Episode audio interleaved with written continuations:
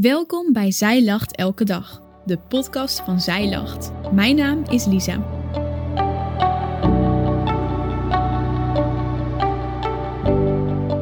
Dit is de overdenking van 20 juni door Marijke Gootjes Verhoeven. Toen onze zoon klein was, had hij een gelovig vriendje in de klas, die tegen anderen zei dat ze naar de hel zouden gaan als ze niet in Jezus geloofden. Zijn moeder werd daarop aangesproken, maar kon niet ontkennen dat hij de waarheid sprak.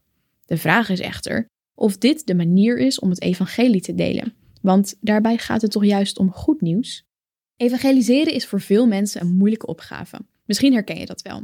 Je denkt of hoopt dat het meer voor extraverte christenen of voor zendelingen is. Zelf heb ik er ook zo in gestaan. Maar het gaat om zulk goed nieuws dat we niet zouden moeten zwijgen. Het evangelie betekent letterlijk de blijde boodschap.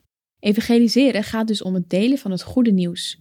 Maar over welk nieuws gaat het dan en hoe moeten we dat aanpakken? Laten we eens kijken wat de Bijbel leert over evangeliseren. In de beginperiode werd het goede nieuws vooral gedeeld door mensen die Jezus persoonlijk hadden leren kennen. Vaak jong en ongeschoold, alhoewel de meeste van hen wel onderwijs van Jezus hadden gekregen, zoals Petrus. Het goede nieuws is in de eerste plaats dat Jezus is opgestaan, dat Hij leeft. We leggen de focus vaak op het sterven van Jezus aan het kruis, waardoor onze zonden zijn vergeven. Maar het beste nieuws is dat Jezus niet dood is gebleven. Daardoor wordt nieuwsgierigheid gewekt, want als het goed is, kunnen anderen aan jou en mij zien dat Jezus leeft. Wij leven door Hem en Hij leeft in ons. Juist onze persoonlijke ervaring met Jezus is krachtig. In 1 Johannes 5, vers 10 tot 12a staat: Wie in de Zoon van God gelooft, draagt het getuigenis in zich. Dit getuigenis luidt: God heeft ons eeuwig leven geschonken en dat leven is in zijn Zoon. Wie de Zoon heeft, heeft het leven. In Handelingen 2 spreekt Petrus over Jezus, zijn dood, maar vooral ook dat hij weer leeft en over welke verandering dat in de gelovigen teweeg brengt. Hij sluit aan bij zijn publiek door de profetie van Joel aan te halen. Vervolgens vragen de mensen zich af wat ze moeten doen en pas dan zegt hij dat ze tot inkeer moeten komen, zodat ze vergeven zullen worden. Hij wekt dus eerst interesse door het delen van het goede nieuws en dat zien we telkens weer in het Nieuwe Testament. Soms kunnen we iets onnodig ingewikkeld maken, maar eigenlijk is er slechts één voorwaarde om het goede nieuws te kunnen delen. Ken jij Jezus persoonlijk en geloof je in de kracht van zijn opstanding? Als jouw antwoord ja is, kan het niet anders dan dat je dat anderen ook gunt, zodat ze redding en leven kunnen ontvangen door Jezus.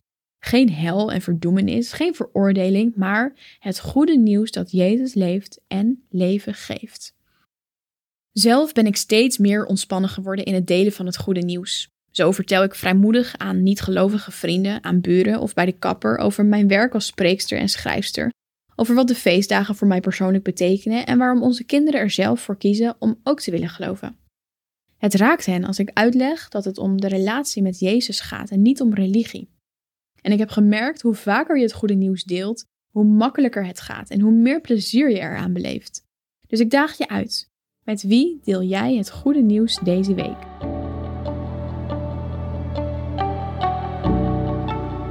Dankjewel dat je hebt geluisterd naar de overdenking van vandaag. Wil je de overdenking nog eens nalezen? Check dan onze website. Je vindt daar ook nog meer toffe dingen die jou helpen om de Bijbel vaker te openen, zoals boeken, Bijbels, cursussen en evenementen. Morgen ben ik weer bij je terug met een nieuwe overdenking. Tot dan!